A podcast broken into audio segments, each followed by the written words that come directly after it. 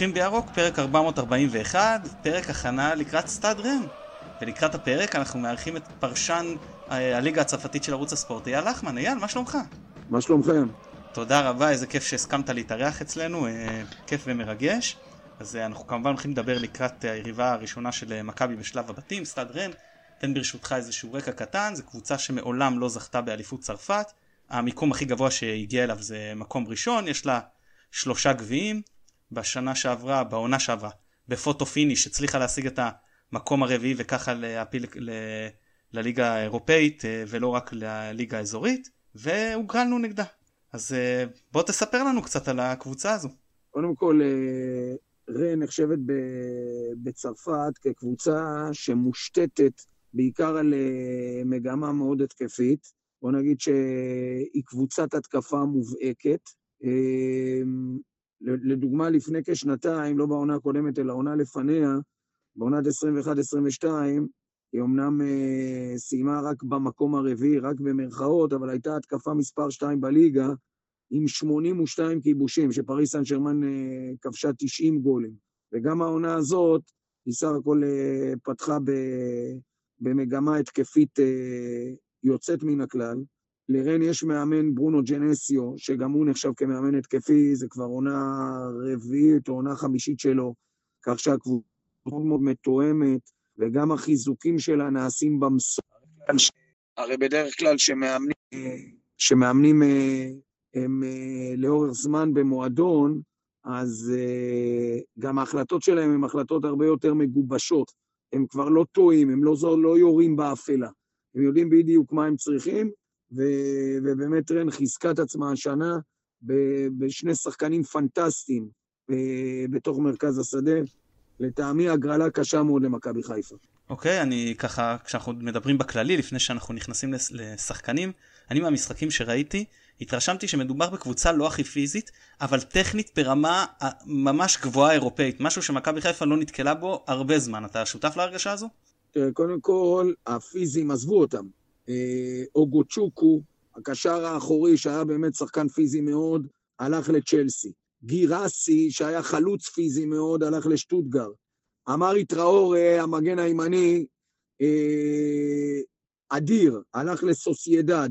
ועוד שחקן אחד עם רגל שמאל, קרואטי בשם לוברה מאייר, שמבחינתי היה השחקן הכי טוב, הוא הלך לוולסבורג. עכשיו, לפי מה שאתה שומע, לפי, לפי המועדונים ששחקנים של רן עברו אליהם, אתה יכול רק להבין איזה תהליך כדורגל חיובי יש במועדון הזה. אם שחקנים שם הולכים בעונה הזאת לצ'לסי, לשטוטגרד, לסוסיידד ולוולסבורג, ובסך הכל תשעה שחקנים עזבו את המועדון, זה מראה לך איזה איכות יש שם. כן, בהחלט.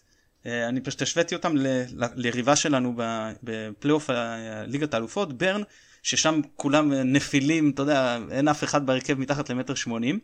ופה נגיד נגד ברסט פתחו מרבית הרכב שבעה שחקנים היו מתחת למטר ושמונים. אה, קצת משפיע מהבחינה הזו אבל אה, רואים באמת שהרמה הטכנית שם מאוד מאוד אה, גבוהה. לפי מה שאני ראיתי קבוצה שנטייה שלה זה ל-4-3-3 קבוע הם משחקים ככה? תשמע בעיקרון זו קבוצה שהלב שלה זה מרכז השדה. ואם דיברת על גובה אז הם הביאו את אנזו לפה מלוריאן. עכשיו לוריאן זה הקבוצה שמכבי חיפה רצתה לקחת ממנה את לורן אברג'ל. אם אתם uh, זוכרים, בתחילת העונה. אנזו, אנזו לפה, אם לורן אברג'יל הוא תפקיד של 6 או 8, אנזו לפה הוא יותר 8 או 10. אז קודם כל הם הביאו אותו, והוא באמת קצת הוריד את, את, את מפלס הגובה באזור מרכז השדה, שזה הלב של הקבוצה. הוא משחק למעשה אמצע שמאל. מי שמשחק אמצע ימין, ואני לא בטוח שזה יקרה, זה שחקן בשם בנג'מה בור, בוריז'ו, שהוא למעשה הקפטן. אני תמיד קורא לו בליגה הצרפתית הדיוויד בקאם של, אה, של רן. הוא שחקן שהתחיל את הקריירה שלו באגף הימני, עם כדורי רוחב אדירים, לא היה כובש גדול, אבל עיקר השערים של רן, באותה עונה מופלאה לפני שנתיים עם 82 שערים באו מבישולים שלו ומהגשות כדור אה, מצד הימני. בשנה שעברה, ברונו ג'נסיו הפך אותו למשולש הקישור, הפך אותו ל-50-50 אמצע ימין. אה, במשחק האחרון הוא החזיר אותו קצת לאגף הימני, אז צריך לשים בחשבון שבוריז'ו משחק, חשוב מאוד לא לעשות עבירות באזור ה-20 מטר, כי יש לו רגל נקייה, אבל אני חושב מרכז זה רגע. הסיפור הגדול בתוך מרכז השדה זה שלושה שחקנים, תהיו בהלם, שלושה שחקני רכש עם רגל שמאל. שומעים אותי? כן, כן, כן, בוודאי, שומעים. שלושה שחקני רכש עם רגל שמאל. קודם כל, הראשון זה נמניה מטיץ', האגדי. מטיץ' הסרבי, כבר קומה, רגל שמאל, שיכול לשחק גם כקשר אחורי וגם כבלם שלישי. יכול להיכנס בין הבלמים. זה רכש אחד אדיר. רכש שני עם רגל שמאל זה לודוביק בלאס. לודוביק בלאז היה הכוכב של נאנט הצרפתית, והיו לנאנט שנים יפות שהוא שיחק כפליימקר עם רגל שמאל. בשנה שעברה אנטואן קוואמברה, המאמן של אה, נאנט, העביר אותו לצד ימין. עכשיו, כשהוא משחק בצד ימין עם רגל שמאל, זה כמו שדיה סבא משחק בצד ימין עם רגל שמאל, זה רחוק, זה מתחיל להתרחק מהשער. זה לא אומר אצילי מצד ימין עם רגל שמאל שמגיע לרחבה כל הזמן. ולכן, הוא גם כאן פתח את העונה ברן בצד ימין, וזה לא מסתדר לו כל כך. לדעתי, המסקנה הכי גדולה שצריכה להיות למסי דאגו ולצוות שלו, זה לשחק בקו ארבע ולשלוח את המגן השמאלי, נגיד את קורנו, הרבה קדימה, לסחוב את לודוביק בלז איתו. ברגע שלודוביק בלז חוזר להגנה, הוא לא משפיע מבחינה התקפית. זה אולי הנקודה הטיפ החשוב ביותר שאני יכול לתת למסי. והשחקן השלישי עם רגל שמאל, זה לא אחר מאשר פביאן רידר, שהגיע מיאנג בויז. כלומר, אותו שחקן ששחק ביאנג בויז, בשפיץ המעוין, בשפיץ היהלום, כ playmaker, מגיע ל-4-3-3 של רן, של, אה, של ברונו ג'נסיו. כלומר, קישור עם שחקני רגל שמאל, קישור מאוד מאוד יצירתי, קישור, אה, לדעתי, מהטובים שיש בכדורגל הצ- הצרפתי, ושם, אה, ושם צריך להתמקד מאוד.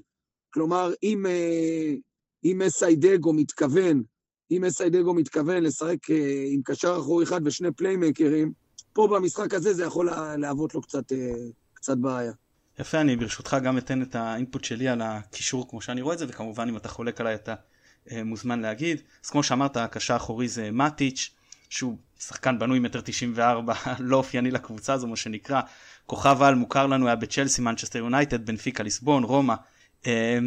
מטיץ' לא בא לבלמים לקבל מהם את הכדור, דבר שראינו בחלק מהיריבות של אה, מכבי העונה, כי הם באמת בלמים טכניים והם לא צריכים את זה.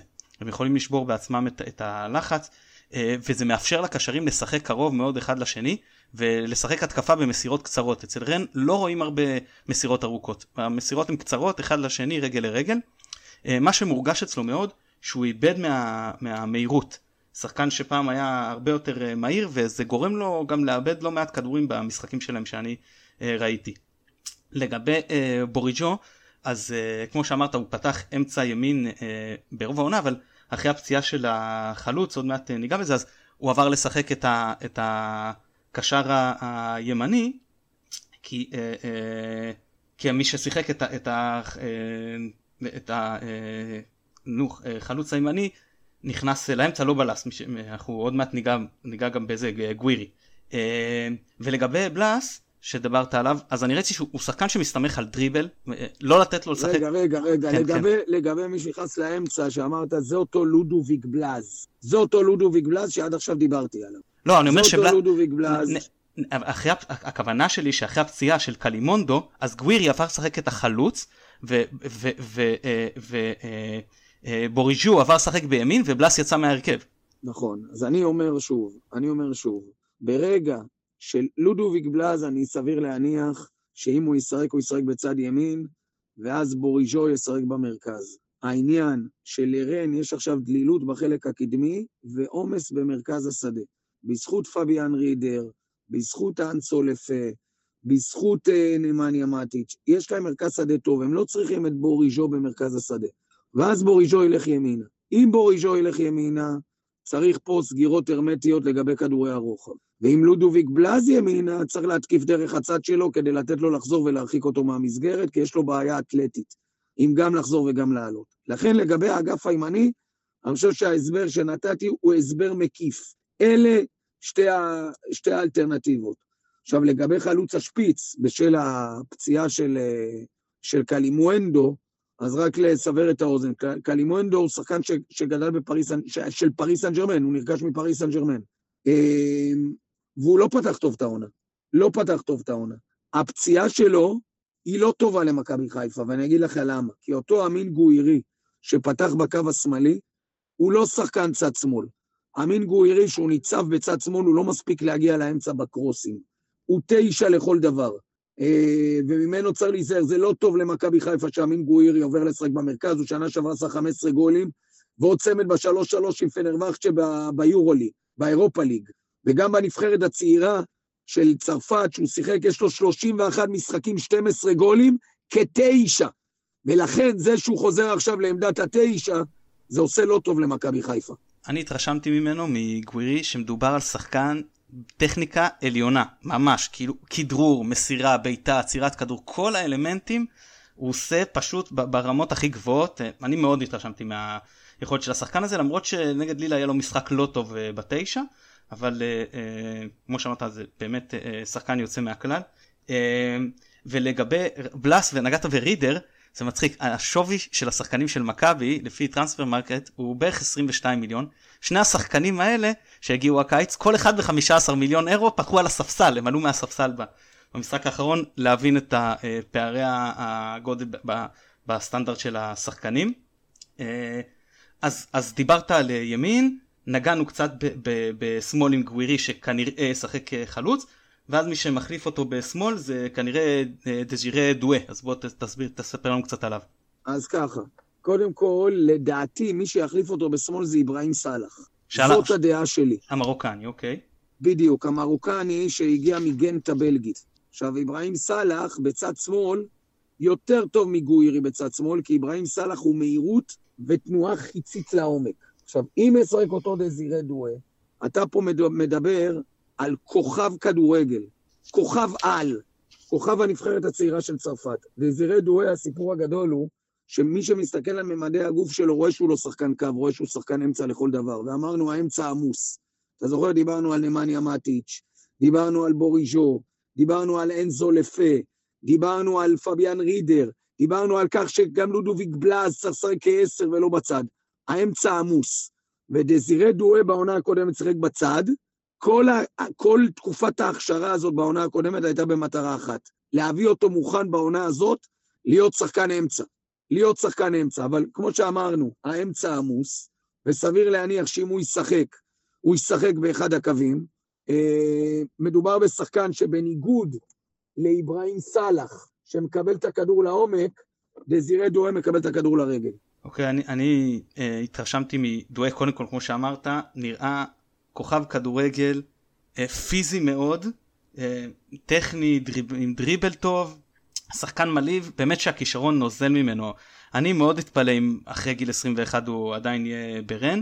עם זאת, עדיין יש פה בעייתיות בקבלת ההחלטות, אה, לא מפרגן מספיק לחברים, הולך קצת יותר מדי ראש בקיר, מאבד לא מעט, הורס לפעמים גם התקפות מעבר. עכשיו במשחק האחרון הוא באמת נפצע והוחלף, אז מהבחינה הזאת יכול להיות באמת שהוא לא יהיה כשיר בכלל נגד uh, מכבי, ואז כמו שאמרת, מי שיחליף אותו זה uh, אברהים uh, סאלח, שכבש צמד במחזור הראשון uh, מהספסל, מלך השערים של הקבוצה עד כה העונה, שחקן סגל נבחרת uh, מרוקו, כל השערים אגב מדקה 85 וצפונה, והוא באמת גולר uh, uh, בניגוד לדואה. Uh, נעבור לדבר קצת על ההגנה. רק שנייה, רק שנייה. שאתה, כן. שאתה מדבר על רוב השערים מדקה 85 ואילך. אז זה לא רק אברהים סאלח, אלא כל השערים, רוב השערים של רן, הם שערים במחצית השנייה. רן בעונה הזאת, יש לה עשרה שערים, שבעה מהם במחצית השנייה. מעבר ל-60, 70 אחוז מהשערים זה מחצית שנייה. הם לא פותחים טוב את המשחקים, וזו נקודה שגל אלברמן ומסיידגו חייבים, חייבים לתת עליה את הדגש. הם לא פותחים טוב את המשחקים, הם, כמו שאמרנו, כובשים את עיקר השערים במחצית השנייה, וסופגים את עיקר השערים במחצית הראשונה. עיקר השערים, הם מתוך שש, שישה שערים שהם ספגו, ארבעה זה במחצית הראשונה. לכן, חייבים לקחת את הדברים האלה בחשבון, ומכבי חיפה חייבת לפתוח בסערה את המשחק, ולנסות לתפוס את רן לא מוכנה. אוקיי, האמת שעוד צריך עוד, עוד אה, קשר שלא נגענו בו, אה, סנטה מריה, מה אפשר להגיד עליו? סנטה מריה הוא קשר אחורי. כלומר, אם הם משחקים עם שני קשרים אחוריים הוא אחד משניים, אם הם משחקים עם קשר אחורי אחד ושניים לפניו הוא אחד בודד, שחקן שלא מרבה להבקיע שערים, טכניקה סבירה, בעיקר עם החלק הפנימי, עם הפס, מזיז את הכדור, קשר אחורי. זה סביר להניח שלא יפתח נגד אה, מכבי, רוב הסיכויים. אי אפשר לדעת, הוא שחקן שברונו ג'נסיו מאוד אוהב אותו, אבל הוא לא שחקן מבריק במיוחד. הבנתי. אוקיי, אמ, אז בוא ברשותך נעבור לחוליה האחורית. אמ, בוא נתחיל מהמגן הימני שגם אה, כבש ובישל במשחק האחרון, כבש את השער הראשון שלו בקריירה אם אני לא טועה, אה, לורנס אנסיאניו. אסיניון. אסיניון. אסיניון, אסיניון. אה, תשמע, לאורך כל הש... הש... השנים הקודמות המגן הימני היה מרי טראורי, שהוא היה באמת מגן אדיר, ו... ועובדה ש... שסוסיידד לקחה אותו. אבל זה היה איזשהו שידוד מערכות של רן, רן, גם למכור שחקנים וגם להרים שחקנים מלמטה מהאקדמיה, וכידוע, כל קבוצה בליגה הצרפתית ראשונה ושנייה מחזיקה אקדמיה, והקבוצות האלה די מיומנות בלהוציא שחקנים אל האור. הם משקיעים באמת בעבודות של טכניקה ואתלטיקה, כמעט ולא נוגעים בטקטיקה. וכשרואים את השחקנים הצעירים האלה גודלים במועדונים האלה, באקדמיות, רואים שחקנים מושלמים בכל מה שקשור באתלטיקה ובטכניקה. והסניון הוא כזה, הסניון הוא מגן ימני שצמח באקדמיה של רן, אה, כבר לפני כמה שנים העלו אותו לבוגרים, אבל הוא לא הרבה לשחק, ובעונה הזאת הוא למעשה קיבל את המפתחות. בזכות העובדה שאמרי טראורי עבר לסוסיידד. הבנתי, לתחושתי, ופה תקן אותי אם אני טועה, מהמשחקים שאני ראיתי, אתה בוודאי ראית יותר, הוא יחסית סולידי, הוא מאופק, הוא מתרכז בפן ההגנתי בגלל שפותחים עם הרבה כלים התקפיים. הוא לא תומך בהתקפה, נגיד אם אני מקביל אצלנו, הוא יותר דומה באיך שהוא שיחק לפחות במשחקים שאני ראיתי לסונגרן מאשר לקורנו. אז, אז זהו, שלא. הוא פשוט מאופק מאוד, הוא פשוט אחראי מאוד, אבל אני אומר לך שהוא סוחף מאוד מבחינה התקפית. זה רק עניין של ביטחון ושל זמן. נכון לעכשיו אני מסכים איתך שהוא, שהוא די מאופק, והוא לא מרבה לדהור, אבל יש לו כן את, ה, את היכולות הללו. אוקיי, וה, והמגן השמאלי, אדריאן אה, טרופה, טרופר, איך יש לבטא זאת? טרופה, יוצא מן הכלל, כן, יוצא מן הכלל. אדריאן טרופה, לדעתי הוא כוח גדול מאוד אה, שצריך לתת עליו את, ה, את הדגש. הוא כבר תקופה ארוכה לא קבע שערים, אבל לפני שנתיים באותה עונה גדולה של 82 שערים, היה איזה משחק שאני זוכר שהוא נכנס כמחליף אה, נגד ליון, הוא נכנס מחליף נגד ליון, לדעתי בדקה ה-20, אתה אולי יכול לבדוק את זה יותר, 25, והוא כבש צמד, ורן ניצחה 4-1. יש לו יכולת התקפית מסחררת, הוא טוב גם לאורך הקו וגם באמצע, ובהחלט צריך לתת עליו את הדגש. רק נציין, וזו דוגמה שאנחנו צריכים לקחת לתשומת לב בכדורגל הישראלי. שני המגינים, שני המגינים של רן, הם שחקנים שגדלו במועדון. שני המגינים. כי, כי באמת, התפקידים הכי קלים לתת לשחקנים אה, את הבמה, שחקנים צעירים, זה בעמדות של המגינים. ושחקן מאוד מוערך, יש לו כבר 15 הופעות בנבחרת הצעירה של צרפת, שהיא נבחרת פנטסטית. דרך אגב, הוא נולד בבלגיה, הוא נולד בליאז', הוא צרפתי שנולד בליאז'. שחקן משמעותי מאוד, אני מאוד מחזיק ממנו. בוא, בוא תסביר אולי למאזינים, גם לי כמובן, למה אתה חושב שתפקידי המגן זה התפקיד שיותר קל לשלב בו שחקנים יציר, צעירים? באופן טבעי. אתה יודע, לתת לבלם, או לשוער או לבלם בן 18 לשחק, זה קשה. לתת לחלוצים בני 18 לשחק, זה קשה, אתה יודע, הם לא, עדיין לא מניות בטוחות. אבל מגינים וקשר אחורי, אלה העמדות שאם מועדון חורט על דגלו תהליך יצירה ממחלקת הנוער ומשקיע במחלקת הנוער, כמו מכבי חיפה, מגן, בעיקר מגן ימני וקשר אחורי, זה התפקיד הכי נוח לשלב בו צעירים. ולכן, אתה יודע, אני מרים שוב ושוב גבה, מדוע, מדוע במכבי חיפה בוחרים לאורך כל השנים במרוץ הבלתי נגמר אחרי מגן ימני, ובעיקר אחרי שש, אחרי קשר אחורי. שש, קשר אחורי, זה צריך לקחת קשרים קדמיים שלא הצליחו, להזיז אותם מדרגה אחת למטה, ולהרוויח את היכולת הטכנית שלהם. הקשרים האחוריים הכי טובים בעולם היו כאלה שהיו עשר ולא הצליחו כל כך. והדוגמאות הכי טובות זה פירלו, ואלברטיני, ולוקה מודריץ', שהיה שחקן כנף בטוטנאם של שלושה ארבעה גולים בעונה, והפך להיות קשר אחורי הכי טוב בעולם. וחבל לראות את המרוץ הזה בכוח להביא את שואו, אה, שאולי הוא שחקן לא רע, אבל הוא לא מיוחד. הוא לא מיוחד. ואני אומר לכם שהוא לא יותר טוב מגוני נאור. הוא לא יותר טוב מגוני נאור, אותו מבנה גוף, אותו סגנון משחק פחות או יותר. ושיש לך אה, מחמוד ג'אבר אה, ואלי מוחמד, ולפעמים רוצים לשחק מקשר אחורי אחד בכלל, סתם להעמיס, בעמדות לא רלוונטיות, תראה את הכדורגל הצרפתי, בעמדות האלה, נותנים לשחקנים צעירים לשחק, מרימים את השחקנים מלמטה. אוקיי. Okay. אני, אם אפשר מילה אחת על תרופה, אני הרגשתי שאם יש איזשהו מקום שאפשר לנצל את העליות שלו, זה שבורחים לו הרבה בבקדור.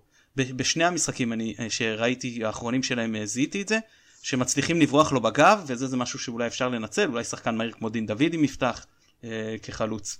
לא, אני אומר לך, אני אומר לך מה קורה. הם קנו לפני שנתיים מבולוניה בלם בלגי אדיר. קוראים לו, כן, ארתור תיאט. ארתור תיאט, שניים, שלושה משחקים ראשונים בצרפת, לא התחבר לו. הוא לא למד את הסגנון, למרות שהוא עשה עונות יפות בבולוניה בסריה. אבל הוא אדיר. אחד הבלמים הטובים בצרפת, והתכונה הכי בולטת שלו זה היותו שחקן רגל שמאל. ולכן הוא נותן לתרופה, הוא נותן לתרופה הרבה ביטחון בלעלות קדימה. והוא מכסה עליו, הוא הופך ממש להיות כמו, כמו שחקן קו שמאל בהגנה נגד מתפרצות. לכן התרופה של תרופה, מבחינת רן, זה ארתור תיאט, שהוא בלם עם רגל שמאל. אני גם מאוד התרשמתי ממנו, הוא גם מאוד טכני, יודע לצאת עם הכדור גבוה ממש ולרוץ לפעמים 30-40 מטרים ולבטל אה, קו הגנה. אה, אה, ממש הוא, הוא, הוא עם זאת מבחינה הגנתית לא התרשמתי שמדובר על, על חומה בצורה, כן אוויר מדי פעם אבל סך הכל... לא, שתבין, שתבין, זה בלם העתיד, אחרי הפרישה של קומפני, אחרי עידן טובי וורמלן וורטונגן, הוא הבלם המוביל בנבחרת בלגיה. 90 דקות בניצחון 3-2 על גרמניה במשחק אימון, 90 דקות נגד אוסטריה ביורו, 90 אה, דקות נגד, אה, נגד אזרבייג'אן, נגד אסטוניה ביורו. זהו, הוא הבלם המוביל של נבחרת בלגיה. ולצידו, אומרי? אומרי, אומרי, איך אה, יש לבטא? אומרי, אומרי, כן. הייתה קצת בעיה בעמדת הבלם השני לאורך השנים האחרונות. זה אומרי או כריסטוף הוא, זה או כריסטופר הוא הקמרוני, או אומרי. שניהם שחקנים צעירים, 22-23, והדבר המדהים, שאם תשאל אותי איפה אומרי גדל, אני אוכל להפתיע אותך. איפה הוא גדל? היכן הוא גדל? באקדמיה של רן. יפה. באקדמיה של רן, אתה מבין? אז תראה מה הם עושים, הם לוקחים את ההגנה שלהם, חיזקו אותה בארתור תיאט, ויש להם את המגן הימני, שגדל באקדמיה, את המגן השמאלי שגדל באקדמיה ואת הבלם. ו- וכולם uh, צעירים, זאת אומרת הסניון 23 ואומר 23 ותיאט 23 וטרופה 21. הם, הם אותו שנתון, כן, הם, הם שיחקו ביחד בנוער. זה... הם שיחקו ביחד בנוער השחקנים הללו. זה, זה שהם, שהם כל כך צעירים, אתה חושב שזה משהו שיכול להיות בעוכריהם או שכבר גיל 23 בשלב הזה ברן זה מספיק ניסיון כדי שזה לא יבוא לידי ביטוי? מספיק, מספיק ניסיון. הם אה, מיומנים מאוד. פרט לאומרי אולי, והסיניון, קח לדוגמה את, אה, את תרופה. אז תרופה יש לו כבר 91 משחקי ליגה, זה לא דבר של מה בכך. אמנם צעיר, הוא בן, אה, בן 21, אתה יודע איזה עונה זאת בבוגרים? עונה רביעית שלו בבוגרים. עונה רביעית. הוא בעונת 2021, כבר היו לו 29 משחקי ליגה. יפה. אז אין, אין בעיה של ניסיון איתם. אומרי, אה, אה, מה שאני התרשמתי הוא הבלם הסולידי יותר מבין השניים, זה שלוקח פחות אה, סיכונים, פחות תוקף את הכדור, פחות יוצא איתו גבוה, בסדר, משלימים אחד את השני, אבל טכני ובמקרה הצורך יודע גם לשבור לחץ עם דריבל אם צריך. משהו אחד על מרכז... אתלט, ה... אתלט, אתלט. אחד הדברים הבולטים אצל אומרי זה האתלטיות שלו. הוא לא עבה, הוא מטר שמונים וחמש, אבל רק 76 קילו. אתה מבין? הוא לא עוצמתי, הוא לא כבד, הוא לא ביגמן. הוא אתלט, הוא קל רגליים, הוא מאוד קליל. אנחנו רואים במשחקים שהקבוצה סופגת לא מעט ממצבים נייחים, אה, גם בעיות בזכייה בכדורי גובה לאורך כל האזורים במגרש. אה, מה אתה חושב לגבי זה? איך אפשר לנצל את זה? כן, זה נקו... הקבוצה, כמו שאמרת, היא לא קבוצה גבוהה. היא לא קבוצה גבוהה, פרט ל... למטיץ'. אה, אז, אז אני, אני מסכים איתך. אני מסכים איתך שזה, שזה נקודת תורפה שאפשר לנצל אותה. כשאתה מסתכל על, ה, על השחקנים הגבוהים אה, שמשחקים בהרכב, אז זה ארתור תיאט, שחקנים מעל מטר שמונים צפונה. זה ארתור תיאט מטר תשעים ושתיים, עומר עם מטר שמונים וחמש. אה, אם מטיץ' ישחק זה מטר תשעים ושלוש. אה, וזהו, זהו. כן, יפה, כן, זה אכן אה, מה שאפשר לנצל. אה, קבוצה שלוחצת גבוה אגב עם הרבה שחקנים ואם מצליחים לשבור את זה אז אפשר כמובן למצוא שטחים בעורף שלה. אגב השוער זה בו עדיין לא נגענו סטיב מנדנדה או מנדנדה שהוא יותר. מנדנ... כן כן. מה זה זה שם שם ענק ב... בכדורגל הצרפתי הוא הגיע בעונה שעברה לרן אחרי שנים ארוכות במרסיי, אחרי 470 משחקים במרסיי. זה שוער אה, שנולד בקינשאסה למשפחה קונגולזית והגיע בגיל צעיר לאקדמיה של האברה, שנחשבת לאקדמיה מהטובות בצרפת, אה, ואז הוא עבר למרסיי. במרסיי הוא כבר, כבר היה שוער הנבחרת הצעירה, יש לו בנבחרות נבחרת בוגרת ונבחרת צעירה מעל 50 משחקים. והוא הגיע שנה שעברה ל... לרן, ולמעשה הוא מאזן את כל ההגנה הצעירה, אבל סטיב מנדנדה, לאורך שנים, הוא פרש לאחרונה מהנבחרת, אבל אחד השוערים הגדולים והידועים והמוערכים בכדורגל הצרפתי. יפה, אה, עוד שחקן ש, שלא לא דיברנו עליו ו, אה, וכדאי לגעת בו, הוא שיחק גם במשחק האחרון, החלוץ הטורקי הצעיר, אה, אילדרים, כבש גם במשחק נכון. האחרון של טורקיה נגד ארמניה, מה, מה אתה יכול לספר עליו, כמה שיצא לך לראות אותו? האמת שלא ראיתי אותו, לא ראיתי אותו מספיק, כי הוא הגיע העונה הזאת. רק בעונה הזאת הוא הגיע ל, לרן, והוא נכנס כמשחק, למשחק אחד כ, כמחליף. אז ציינת שהוא כבש נגד אה, ארמניה, בדקה ה-90 לדעתי הוא כבש נגד ארמניה. זה היה ממש בדקה האחרונה, אבל יש לו גם צמד נגד בוסניה בארבע אחת, של האנדר 21 של, אה, של טורקיה. הוא הגיע, דרך אגב, אה, הוא שיחק לאורך שנים, לא לאורך שנים, בשנה הקודמת, באנטליה ספור, בקבוצה שרמזי ספורי ושגיב יחזקאל הלכו אליה. אה, לא יודע, אין לי עוד דעה מגובשת, כי באמת לא ראיתי אותו מספיק. אוקיי, אה, לגיטימי.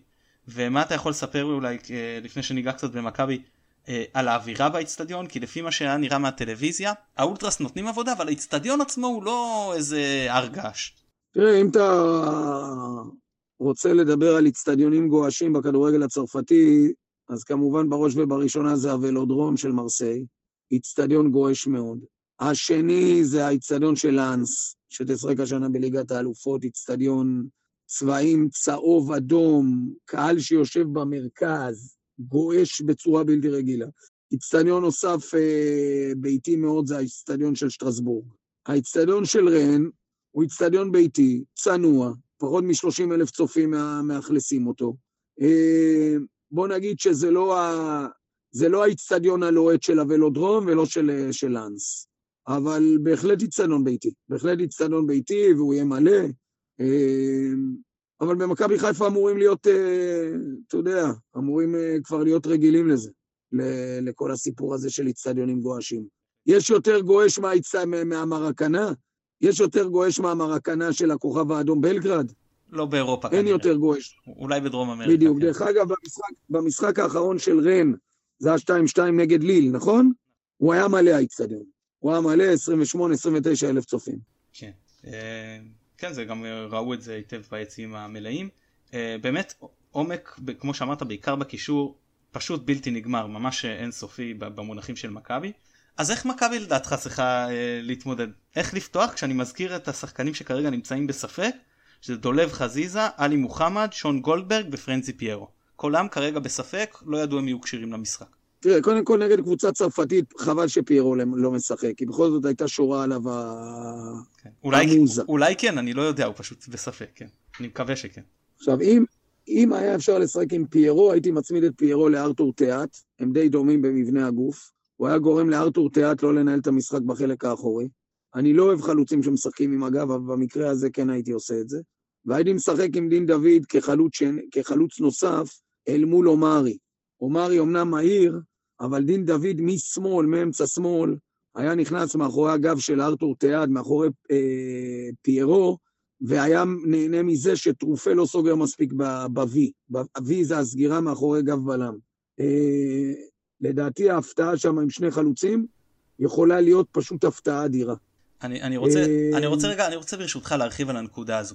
דין דוד ופרנסי פיירו, יצא להם לשחק, אה, לא תמיד כפותחים, בכל משחקי החוץ עד כה באירופה העונה. במשחק הראשון, תנועה של פיירו שמשכה שני בלמים, השאירה את דוד לבד בתוך הרחבה לכבוש שער.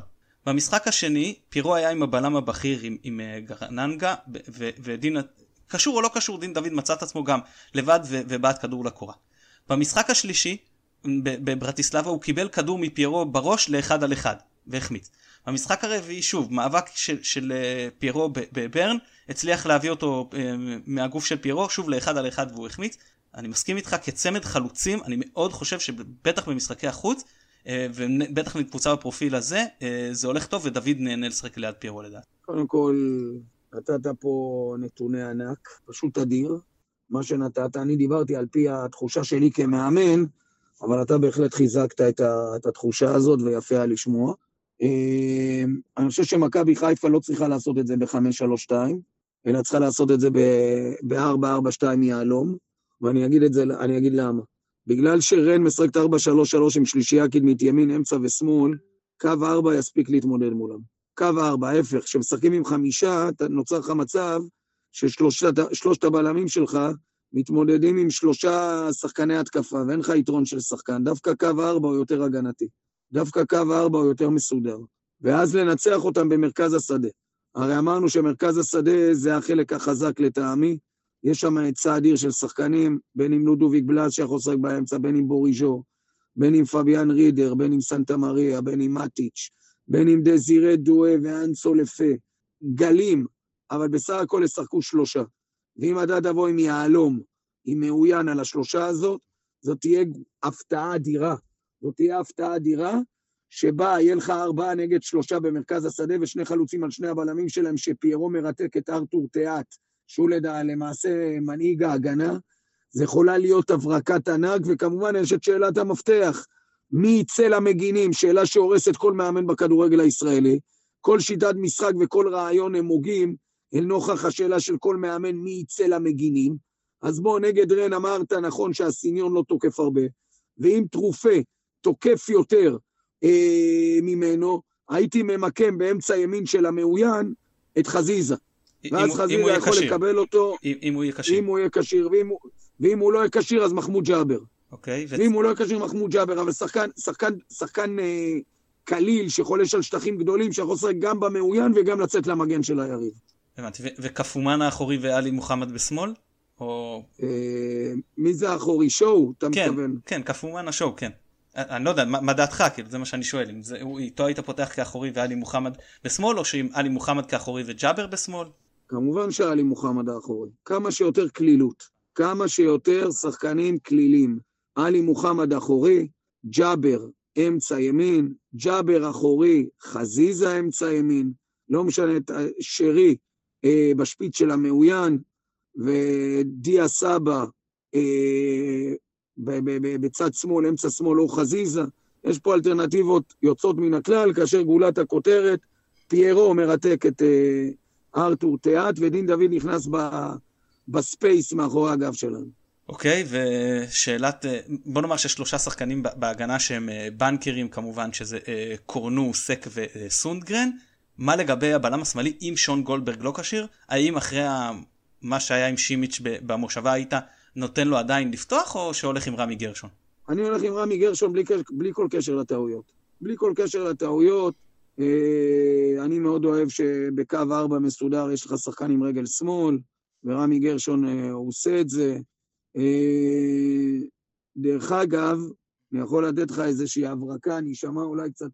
אני אומר ששואו בכדורגל הישראלי בסוף יהיה בלם. הוא לא קשר אחורי, הוא לא שחקן מיוחד כקשר אחורי, אבל יש לו ממדים של בלם.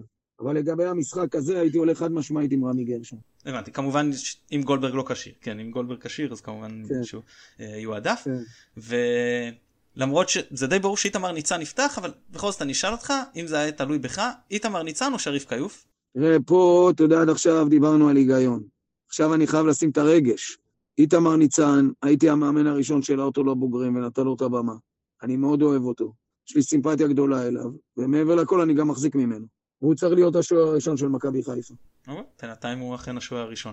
אה, שמע, זאת הייתה סקירה מקיפה ומעניינת, באמת אה, נגענו פה בכל הנקודות, אלא אם יש לך עוד משהו להוסיף. אבל עוד שאלה אחת שהייתי רוצה ככה, שלא קשורה למשחק, כמה אתה מוחמא מזה שאחד מגדולי בדרני ישראל אה, עושה את החיקוי שלך? זה נראה לי מחמאה ענקית. ברור, אתה מדבר על אלי יצפן. בוודאי, אלי יצפן. ברור שזה, ש, שזה מחמאה. תמיד שואלים אותי, מה אתה קצת נעלב? איזה נעלב? איזה נעלב? יותר נעלבתי שהגעתי לניו קאסל עם סכנין, ו-65 אלף צופים שרקו נגדי דקה, דקה רביעית, דקה חמישית, שסכנין התחילה שם בקרב שלה על הדשא בסנט ג'יימסס פארק, או בכדורגל הישראלי שאתה מאמן פתאום ב- בליגה לאומית, ואיזה אוהד אחד ביציע פתאום צועק נגדך, זה הרבה יותר מעליב. אלי יצפן זה מחמאה גדולה, כבוד גדול. הוא קודם כל אדם, אדם נדיר, שאחד הדברים היפים אצלו, שהוא לא עוסק רק בתחום הזה של הבידור, עוסק בדברים אחרים, וזה יפה לראות שאדם נוגע בכמה וכמה דברים, וזה מראה כמה הוא מוכשר וכמה הוא אינטליגנט. ותה, ואני בטוח שחלק מההוויות שלו והחיקויים שלו והבדיחות שלו זה גם כתוצאה מאינטליגנציה אדירה שיש בו. אני מסכים, הוא באמת, הוא, אתה אומר שקפומן לו, יצפן מיוחד. יצפן הוא בהחלט מיוחד. מה, מה זה? יצפן אם היה שחקן צריך, לי, צריך היה להיות השמונה, הכל יכול, במרכז השדה. box to box, כן. אה, בדיוק. מעיין, המון המון תודה שהתארחת אצלנו, היה מעניין ופשוט פנטסטי. אה, אנחנו מודים למאזינים אה, שהאזנתם, אנחנו מודים למי שיערוך אותנו ותמשיכו לעקוב, כמובן שיש סיכום לרן והכנה גם לסכנין בהמשך. גמר חתימה טובה, ביי ביי. ברור.